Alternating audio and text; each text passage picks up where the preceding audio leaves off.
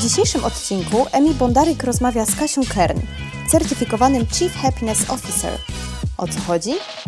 Kasia jest z wykształcenia psychologiem i po wielu latach doświadczenia pracy na stanowiskach HR-owych założyła pierwszą w Polsce firmę, która skupia się na szczęściu w pracy. Happiness at Work to program, który opiera się na psychologii pozytywnej i na szukaniu radości tam, gdzie czasem trudno ją znaleźć, czyli w pracy. Pytamy Kasię o to, jak radzić sobie z pracą zdalną, jak rekompensować sobie brak bezpośredniego kontaktu z koleżankami i kolegami z biura i jak koncentrować się na tym, co pozytywne, kiedy rzeczywistość jest momentami mocno przytłaczająca. Mamy nadzieję, że ta rozmowa przyniesie Wam wiele radości i motywacji. Czy jesteś szczęśliwa, Kasiu? Pytanie mm, wyzwaniowe, jak dla, dla, dla wszystkich, myślę, nie tylko dla mnie, mm, bo choć profesjonalnie tym szczęściem się zajmuję na co dzień, e, to szczęście tak naprawdę to jest taka droga, to nigdy nie jest taki moment, że już jesteśmy szczęśliwi i po prostu e, nic więcej nas nie czeka, tylko tak naprawdę często jest tak, że jak dojdziemy do pewnego pułapu, to potem jeszcze chcemy iść gdzieś dalej, ale na pewno mogę powiedzieć, że w wielu sferach, e, zarówno w tych prywatnych, jak i zawodowych, no na ten moment ten poziom szczęścia jest, jest, jest dobrze oceniany przeze mnie, także zdecydowanie tak, a tym bardziej dzisiaj jestem szczęśliwa, bo robię to, co lubię, czyli mogę się z Wami podzielić um, no, tym, czym jest szczęście w pracy, opowiedzieć więcej, a to zawsze sprawia mi wielką satysfakcję. Fantastycznie. A w takim razie powiedz mi, co jeśli wykonujemy pracę, która tej przyjemności, tego szczęścia nam nie daje?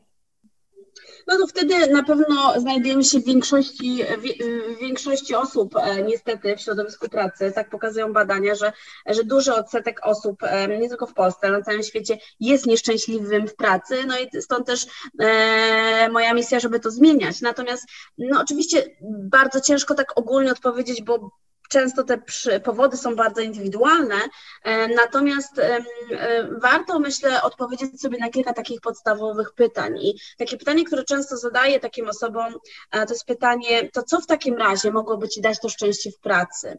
co wnosi sens do Twojej pracy, co musiałoby się zmienić, żeby ta praca stała się dla Ciebie szczęśliwsza, co mógłbyś zrobić po swojej stronie, żeby być szczęśliwszy w pracy. Więc warto spróbować najpierw się nad tym zastanowić, a potem podjąć kroki działania.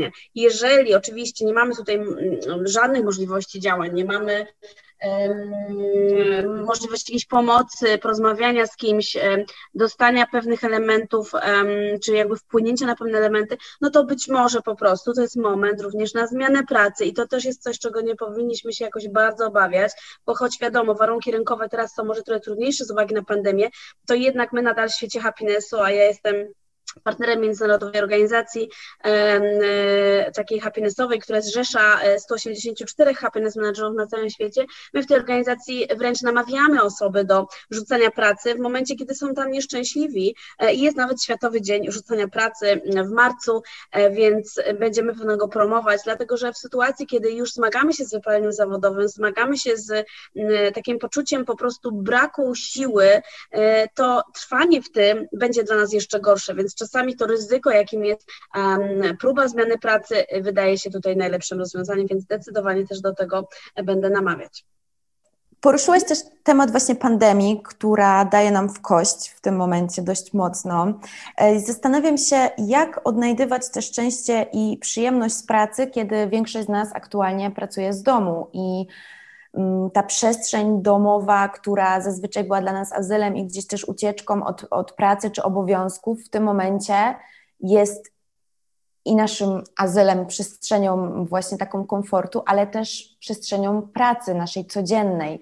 Wcześniej mogliśmy sobie pójść na lunch, na kawkę, zrobić sobie przerwę mm, w naszym biurze, natomiast teraz to wszystko przyniosło się do naszych domowych pieleszy. Stąd moje pytanie, jak odnajdywać i jak sobie też z tym radzić, bo myślę, że jest to dość, y, dość duży problem aktualnie. Tak, i to, i to myślę jest pytanie, które zadajemy sobie zarówno pracownicy, jak i pracodawcy zadają sobie już od, od przeszło roku. E, I oczywiście no, w związku z tym również na tym tematem się pochyliłam. To mogę się pochwalić, że jeżeli ktoś jest zainteresowany głębiej, to na Udemy jest właśnie mój najnowszy kurs Happy Hybrid Teams, który właśnie dokładnie mówi o tym, jak radzić sobie lepiej w czasach pandemii, pracując hybrydowo czy zdalnie, a równocześnie utrzymując wysoki poziom szczęścia i produktywności. Więc pewno bym mogła o tym bardzo długo mówić, ale powiem Wam tylko o pięciu takich obszarach, na które należy zwrócić uwagę. Przede wszystkim komunikacja tutaj robi się kluczowa. My musimy tę komunikację w momencie, jak pracujemy zdalnie, zmienić na tyle, żebyśmy mogli zacząć być jakby mm, widoczni, także tutaj właśnie włączanie kamer, e, proaktywna komunikacja, nie tylko komunikacja wtedy, kiedy jest problem, e, tylko komunikacja taka, która mogłaby zastąpić tak zwane rozmowy przy mm, boilerze mm, z wodą czy w kuchni, tak, który się naturalnie w środowisku pracy odbywało, więc zdecydowanie tutaj sporo elementów związanych z komunikacją e, należy sobie zespołowo wyjaśnić, ustalić, żeby ona przebiegała jak najbardziej sprawniej.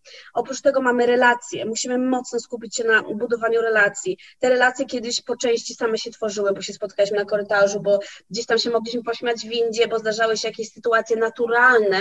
W tym momencie musimy zdecydowanie mocno pracować nad tym takim budowaniem relacji, również onboardujemy często nowych pracowników, którzy nigdy się na przykład nie widzieli na oczy, to rodzi ogromne wyzwania, więc te relacje tutaj będą bardzo ważnym elementem. Rezultaty, również tutaj trzeci element, czyli jak pracować, ale tak, żeby odczuwać, że my te rezultaty wykonujemy, że je widzimy, że widzimy też, że nasz zespół ma rezultaty, to wszystko są takie psychologiczne elementy, które powodują, że człowiek jest szczęśliwszy w pracy i może być bardziej produktywny, jeżeli wie, do czego dąży, co jest rezultatem rezultatem. Czwarte to jest odporność psychiczna. Tutaj musimy mm, wyjątkowo więcej przyłożyć się do tego, żeby ten balans utrzymywać, bo pracując z domu zdarza nam się pracować całą dobę. Nie mamy takich naturalnych mm, warunków jak wyjście z biura, tak? bo często tym biurem jest pokój, w którym śpimy. Więc tutaj oczywiście dużo pracy na tym, że właśnie umieć się wyłączyć.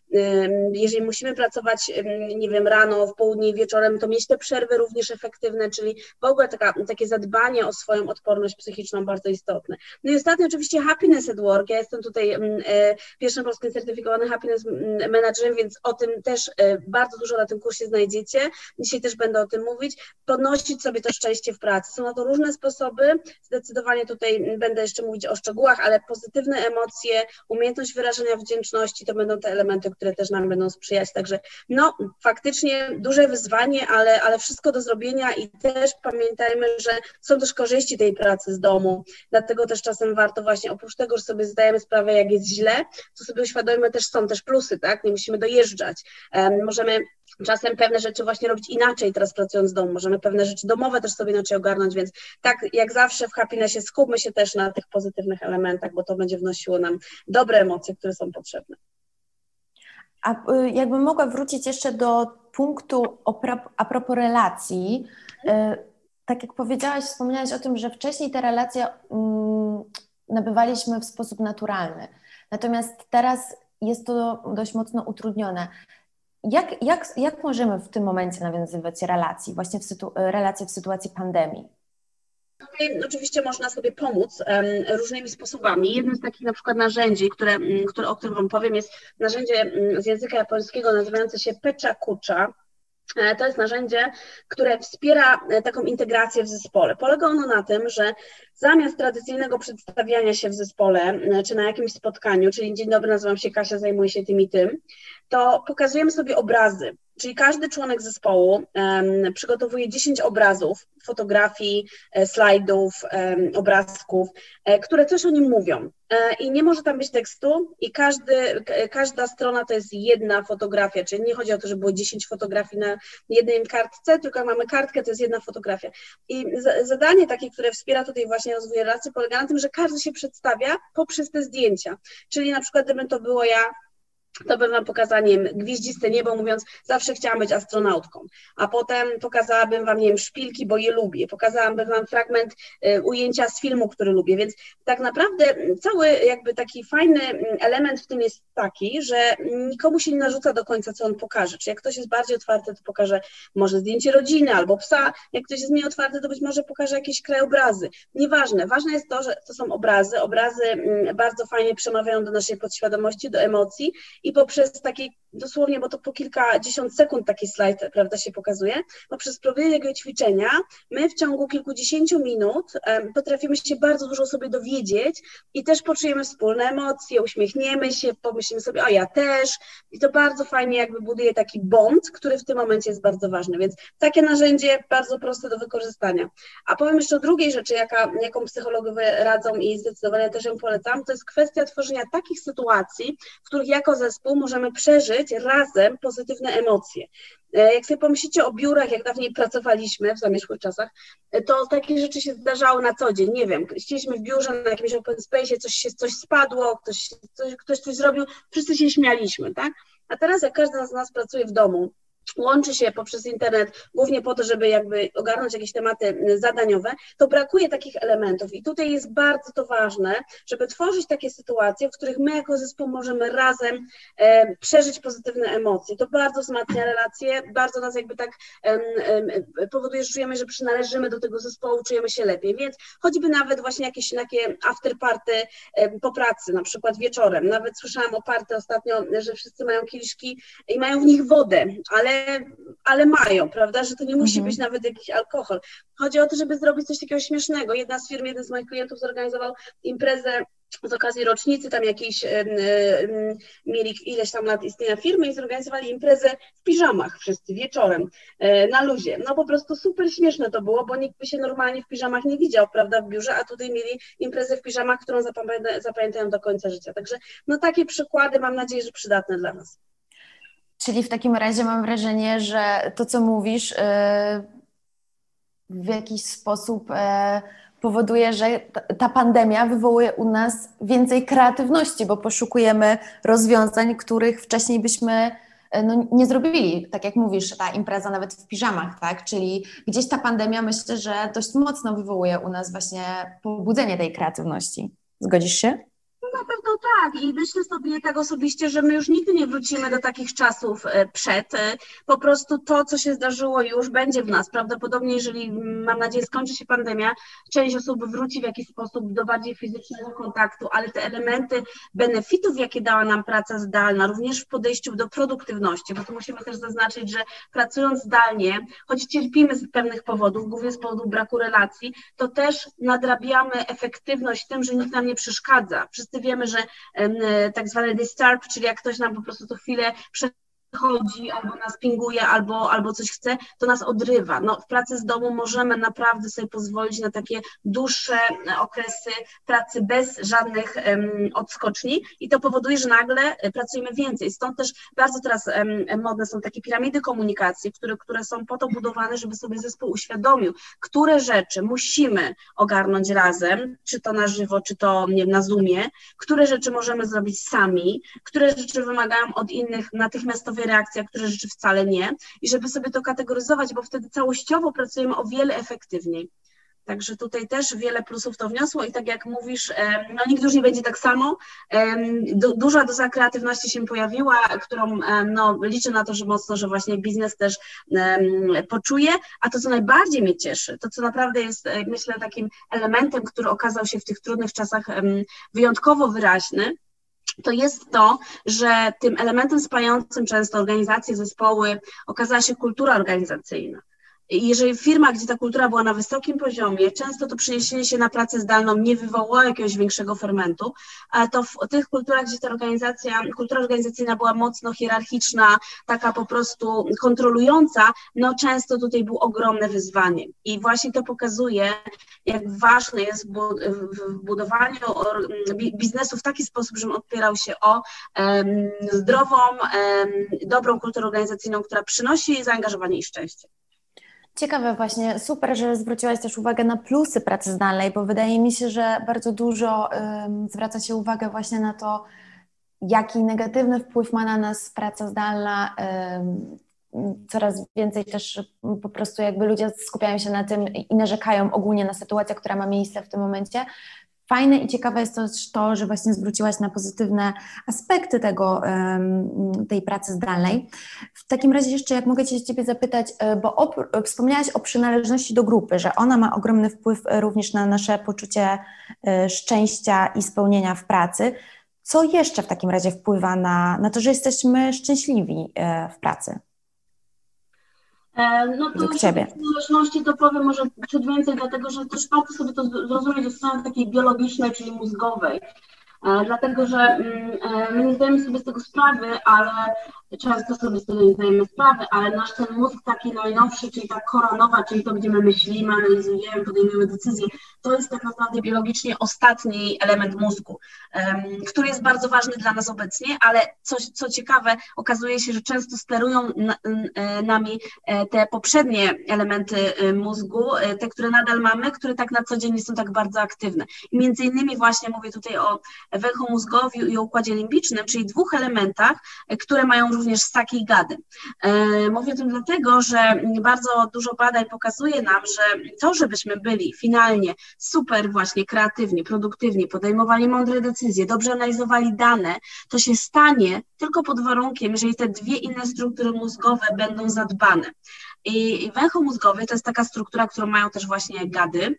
I ona przede wszystkim, jak sobie pomyślicie o gadach, co jest ich jakby powodem e, istnienia, to one dbają o to, żeby się czuły bezpiecznie, tak? Gady e, jakby, mm, jeżeli się czują niebezpiecznie, to będą e, w odpowiedni sposób reagować. My, mając ten mózg również, właśnie ten, to węchomózgowie, będziemy go, on się będzie naturalnie sam włączał, jeżeli będą, będziemy się czuli niebezpiecznie.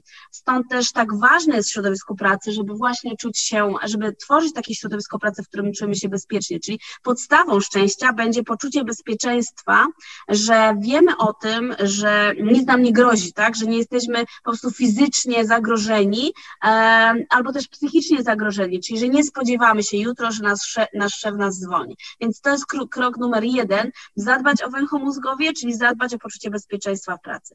Dwa, to jest właśnie układ limbiczny, który również posiadają ssaki, który z kolei odpowiada za to, jak sobie pomyślimy o ssakach, to one są zwierzętami stadnymi, one wyrażają emocje, Możemy zobaczyć, że pies za nami tęsknił.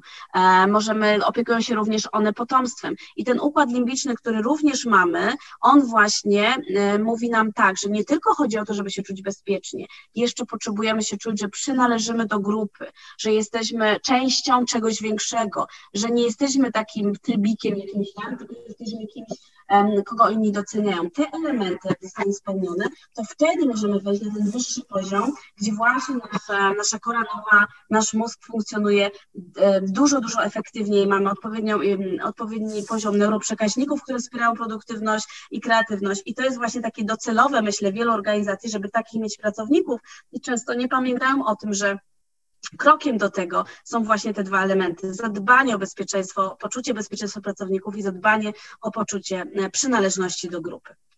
Mówimy dużo o szczęściu, a zastanawiam się nad um, emocjami, które są przeciwne, czyli porażka i emocje negatywne, stres. Powiedz mi, e, czy masz jakieś narzędzia, które wykorzystujesz w pracy bądź polecasz swoim klientom, odbiorcom? E, które pomagają sobie, które mogą pomóc właśnie w radzeniu sobie na przykład ze stresem bądź negatywnymi emocjami. Mhm. Znaczy, negatywne emocje, y, tak samo jak pozytywne, to jest naturalna rzecz. One będą występować. Tutaj, jakby w happiness at work i w szczęściu w pracy nie chodzi o to, żeby cały czas się uśmiechać, tak? Tylko um, ważne jest, żeby zrozumieć, że um, negatywne emocje dużo bardziej nas będą um, motywować do tego, żeby się na nich skupiać, żeby je widzieć i żeby się coraz bardziej nakręcać. Dlatego tak łatwo nam jest ludziom narzekać. Jak w zespole ktoś zacznie narzekać, to często zaczynają narzekać inni i wkręcamy się coraz bardziej.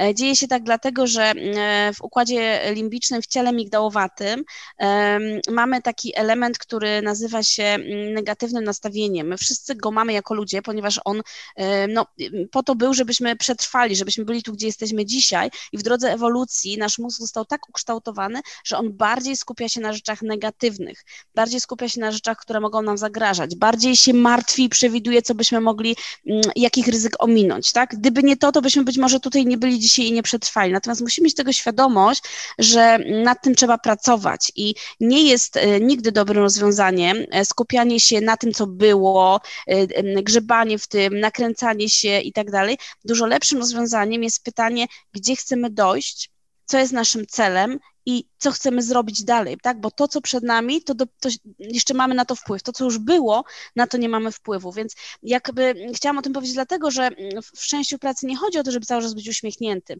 ale żeby umieć sobie poznawczo jakby przekształcić te czasem negatywne emocje albo negatywne jakby przemyślenia, jakby w, w, ukierunkować je do przodu, czyli okej, okay, zdarzyło się, co się zdarzyło, tak? Czuję to, co czuję, a teraz co ja bym chciał dalej?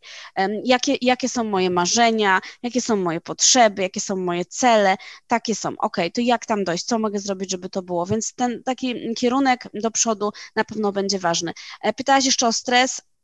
Zdecydowanie obecnie w ogóle bardzo dużym takim tematem jest, e, szczególnie w pandemii, temat w ogóle mental health i tego, żeby umiejętnie reagować wcześnie na symptomy wypalenia, na syndromy przepracowania, ogromnego stresu. Tutaj oczywiście no, mogliśmy o tym godzinami rozmawiać, to bardzo wiele jest do zrobienia po stronie liderów, tak? Oni, oni najlepiej, żeby byli tutaj przeszkoleni, wyczuleni na to, jak ten, te symptomy, jak je, jak je wyłapywać i co z nimi dalej robić, ale też my sami powinniśmy sobie na te pytania odpowiadać.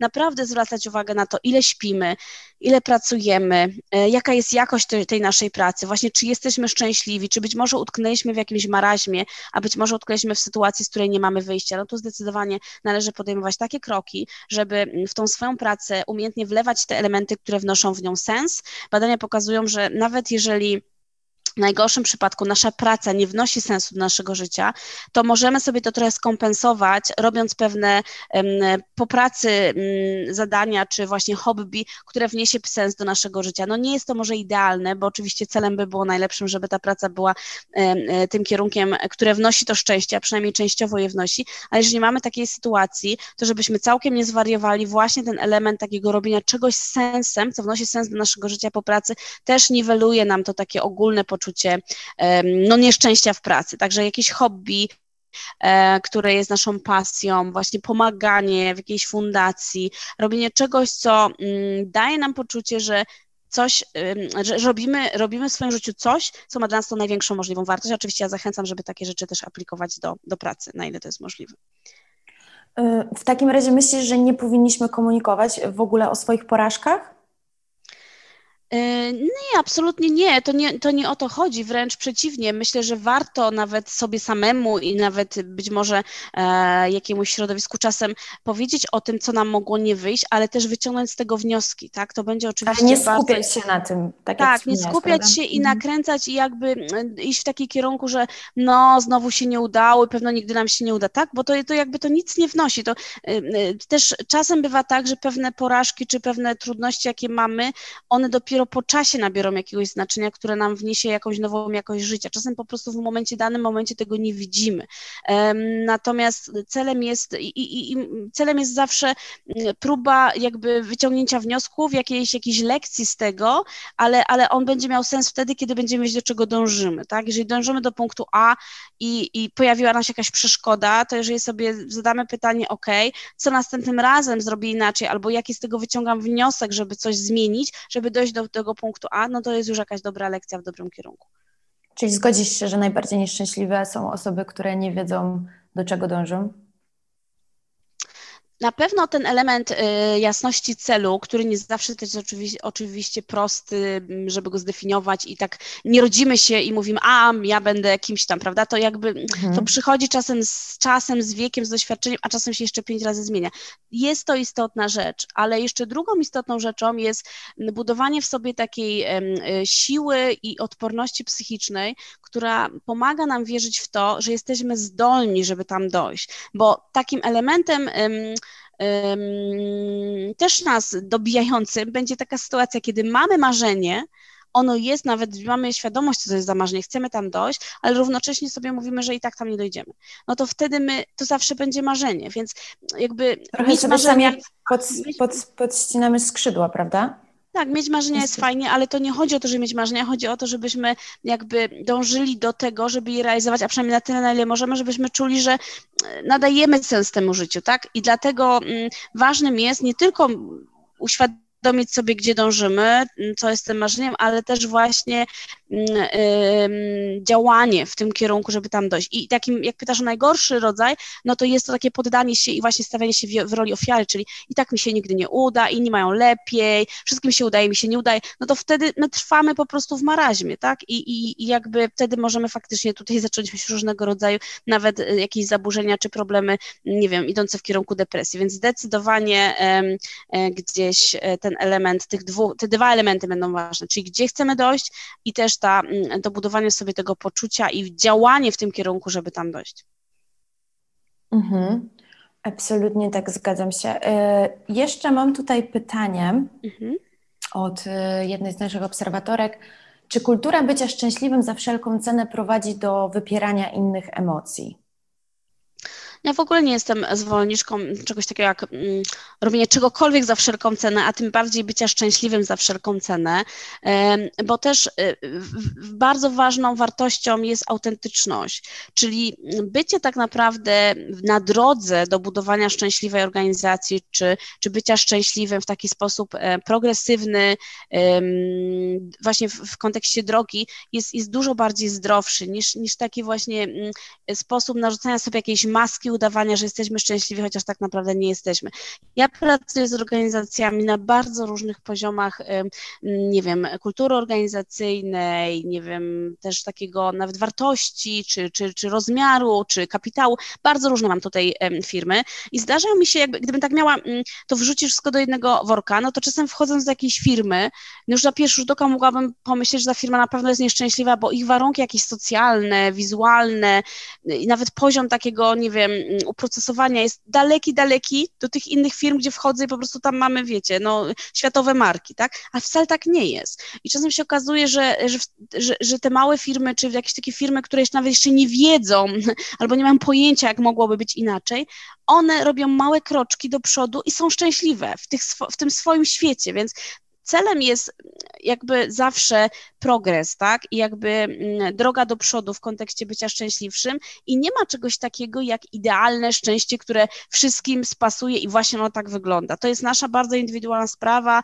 e, potem indywidualna w kontekście kontekście organizacyjnym również e, i tego nie da się jakby mm, komuś wszczepić po prostu do głowy. Jeżeli tak byśmy do tego podchodzili, że nagle jakaś firma ma być super szczęśliwa, wszyscy mają się uśmiać, no to jest absolutnie sztuczne i to nie, to nie wnosi tego szczęścia, wręcz no może ludzi unieszczęśliwiać, bo czują się jacyś tacy zmuszeni do tego. Także tu jeszcze wątek powiem taki ogólny, który polega na tym, jak ja pracuję z organizacjami, jak, jak to szczęście buduję, to jest zawsze taka oddolna, jakby mm, oddolny proces, który pomaga zrozumieć organizacji i ludziom, że to szczęście jest w ich rękach i jakby zadawać im odpowiednie pytania, prowadzić ich facylitacyjnie w takim kierunku, żeby to oni sami pod, podjęli to wyzwanie, wzięli odpowiedzialność za to swoje szczęście w organizacji. Więc czasem sobie ludzie tak wyobrażają, że może jest tak, że wchodzi Kasia, ma taki kuferek i tam wyciąga jakieś takie gadżety i uszczęśliwia ludzi. No tak to w ogóle nie wygląda. Ja często jestem takim jakby inspiratorem do tego, jakimś, no wiadomo, facylitatorem czy, czy, czy trenerem, który budując odpowiednią energię, odpowiednie forum do tego, odpowiedni space, powoduje, że oni zaczynają sobie zadawać takie pytania w organizacjach, co my byśmy mogli zrobić, żeby być szczęśliwsi. I wtedy to jest może być mały krok do przodu, ale który właśnie rozpocznie tą erę ukierunkowania się czy skupienia na tym, że, że faktycznie są rzeczy, które możemy zrobić, wdróżmy je i zobaczymy, co będzie. Czyli jest to długofalowy proces. To jest, e, to jest raczej e, czasowo, zastanawiam się, jak długo to trwa, Twoja praca e, z taką firmą, organizacją. Znaczy ja pracuję w bardzo różny sposób, dlatego że czasem mm, mm, jakby to są wręcz takie inspiracyjne, krótkie spotkania, tak jak dzisiaj z Wami opowiadam trochę o tym, tak, to zakładam, że mam nadzieję, że poczujecie to szczęście, ale no też nie zakładam, że od razu to ktoś jak to usłyszy, to już sobie tam w organizacji wszystko ogarnie. Ale bywa tak, że to jest jakiś początek, tak, że, że zarówno miewam czasem webinary, nie wiem, czy spotkania, nie wiem, na tysiąc osób, gdzie po prostu przez godzinę mówię o tym, a czasem to są e, projekty kilkumiesięczne, czasem nawet programy programy roczne, czasem nawet takie strategie HR-owo-happinessowe. Bardzo różnie to wygląda. Najczęściej jest to dopasowane do potrzeb, natomiast moim celem zawsze jest to, żeby usamodzielniać te firmy, czyli nie, żeby tak było, że oni zawsze mnie będą potrzebować i, i co tydzień mnie wołać, żebym tam im, mm, żebym ich uszczęśliwiała, tylko ja w nich chcę zbudować um, poczucie, że oni mogą się sami uszczęśliwiać, dać im inspirację, dać im narzędzia, um, gdzieś tam ich konsultować, ale dać właśnie im tą pałeczkę i wtedy najczęściej jest to najbardziej efektywne działanie. Chciałabym się Ciebie jeszcze zapytać e, o konflikty w zespołach. Mm, wpływają na kulturę organizacji, to na pewno, natomiast e, jak wpływają i w jaki sposób możemy im zapobiegać? Hmm. E, no jasne, no, e, pracując z ludźmi zawsze się będziemy mierzyć z tym, że e, choćbyśmy nie wiem jak byli idealni i nawet jakby to było firma, która zatrudnia samych psychologów, to i tak gdzieś by się pojawiły pewnego rodzaju napięcia, niezrozumienia, no bo taka jest natura ludzka. Natomiast wyzwanie jest wtedy, kiedy, kiedy doprowadzamy do takich sytuacji, że, że zespół nie umie na wczesnym etapie pewnych rzeczy sobie wyjaśnić, tylko zespół czy, czy, czy, czy kilka osób, czy nawet dwie osoby, one brną w ten konflikt, tak? Bo im dalej idziemy w, w sytuację konfliktową, tym trudniej nam będzie się później um, porozumieć, z uwagi na to, że tworzą nam się um, mapy poznawcze tej osoby, które to tak działa po prostu, że im, im mniej mamy relacji, im więcej mamy konfliktu, tym my sobie na temat tej osoby dużo wyobrażamy i ona na nasz temat również. I później każda sytuacja, jaka wpada kolejna, dokłada nam do ognia, więc my tak naprawdę im, im dalej idziemy w konflikt, tymczasem możemy, tak ja się wielokrotnie spotykam z takimi sytuacjami, że ktoś pokazuje komuś maila i mówi, słuchaj, patrz, jak ona do mnie mm, okropnie pisze, albo jak ona, jak ona się zachowuje nie fair w stosunku do mnie, E, I po, czytając tego maila czyjegoś, mówimy, myślimy sobie, kurczę, ale tu w sumie tu nic nie ma.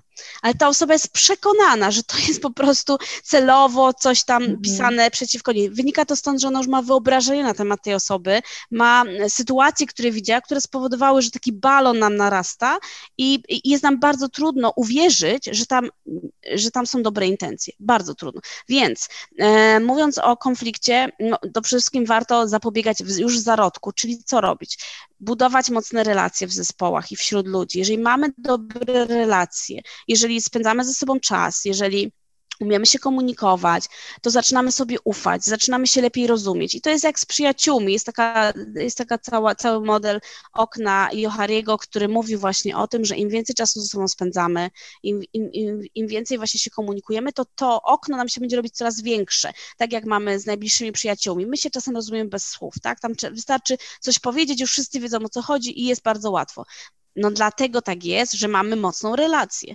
Jeżeli mamy słabą relację, kogoś rzadko widzimy, rzadko się z nim komunikujemy, jeszcze go nie lubimy, no to naturalnie będzie nam się gromadziło tam, to okno będzie maleńkie, będziemy tego człowieka widzieć przez takie maleńkie okienko, a reszta to będzie dla nas niezrozumiałe, będzie dla nas niespójne, będzie dla nas jakieś takie e, niewyjaśnione. Więc to powoduje, i to jest taki mechanizm niestety trochę błędnego koła, że jak kogoś nie lubimy, to z nim chcemy mniej czasu spędzać, a jak z nim mniej czasu spędzamy, to mniej go rozumiemy i za chwilę mamy powody, żeby go nie lubić jeszcze bardziej. Więc no trochę tak jest, że um, zbudowanie um, dobrych relacji w zespole i jakby prze, umiejętne, umiejętne unikanie przyszłego konfliktu polega na tym, żeby dobrze tych ludzi, czyli rola lidera jest bardzo ważna, dobrze tych ludzi ze sobą zintegrować, um, nauczyć ze sobą rozmawiać, nawet jeżeli się nie mogą, bo mogą się nie lubić, to że, do, że cenią się za coś, co wnoszą do zespołu, że widzą wartość w tym, że czasem jak jesteśmy różni, to to też wnosi wartość, bo możemy różnie spojrzeć na różne rzeczy.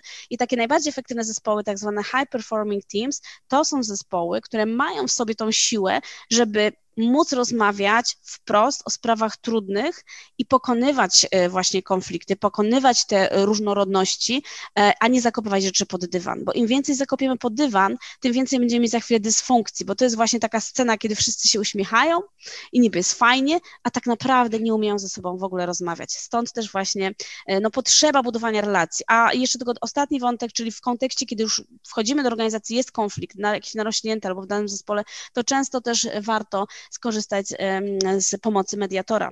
To jest bardzo coraz bardziej popularna e, funkcja w organizacjach, czyli mediator, osoba która profesjonalnie zajmuje się tym, żeby pomóc dwóch, dwóm skłóconym czy kilku skłóconym osobom dojść do jakiegoś konsensusu i to często jest taki wartościowy krok, zanim dojdzie do jeszcze jakichś gorszych sytuacji, bo naprawdę czasem ludzie poprzez konflikty w pracy mogą wpadać no, nawet w jakieś problemy psychiczne, czy, czy pewnego rodzaju no, poczucie, nie wiem, braku wartości albo chęci odejścia, więc ten moment też bywa potrzebny, żeby skorzystać z profesjonalnych usług, jeżeli nie ma innej opcji już, jeżeli jest za daleko w konflikcie. Mhm. A e, oprócz, e, znaczy wspomniałaś o mediatorze, a myślisz, że w takich dojrzałych organizacjach powinien być również zatrudniony psycholog, o którym wcześniej też wspomniałaś? To znaczy, to zależy, tak? No, jeżeli organizacja funkcjonuje na wysokim poziomie kultury organizacyjnej, ma dobry leadership, ma powiedzmy mm, sensowne procesy, struktury HR-owe, to raczej nie jest to konieczne, dlatego że tylko sytuacje jakieś wyjątkowe będą powodowały, że potrzebujemy wsparcia e, mediatora, czy psychologa, czy kogoś. Tak, to raczej będą sytuacje wybiórcze.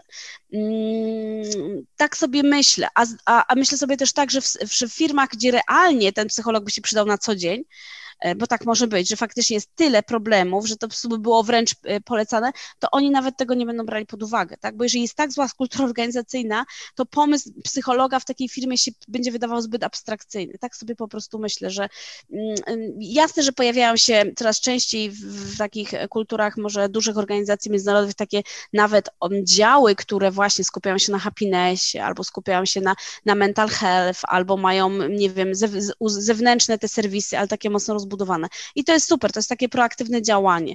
Natomiast mm, ja osobiście jestem zwolenniczką tego, żeby umiejętnie budować zespoły liderskie, bo to one są najbliżej ludzi i często, jeżeli one są dobrze wyszkolone, przygotowane, to one załatwiają połowę roboty, tak? I one będą, liderzy będą wyczuwać wtedy, kto jest, nie wiem, kto wymaga pomocy psychologicznej, kto jest um, osobą, która, nie wiem, jakby tutaj w zespole y, robi jakiś problem i trzeba jej dać feedback, a gdzie są te elementy, gdzie działamy na cały zespół i po prostu wspólnie rozwiązujemy problemy. Także przy zdrowej kulturze organizacyjnej, dobrym leadershipie zapewne taka rola nie jest konieczna. Mhm. Rozumiem. Mm, mm, Kasiu, jakbym mogła się Ciebie jeszcze zapytać e, w takim razie, jak czerpać przyjemność i szczęście z życia, życia codziennego aktualnie właśnie w czasie pandemii? Mhm. No też myślę, że warto szukać swoich indywidualnych sposobów na to, bo często coś, co pasuje jednej osobie, może nie pasować innej, e, a ja mogę powiedzieć o takich sprawdzonych rzeczach, które się na pewno przydadzą.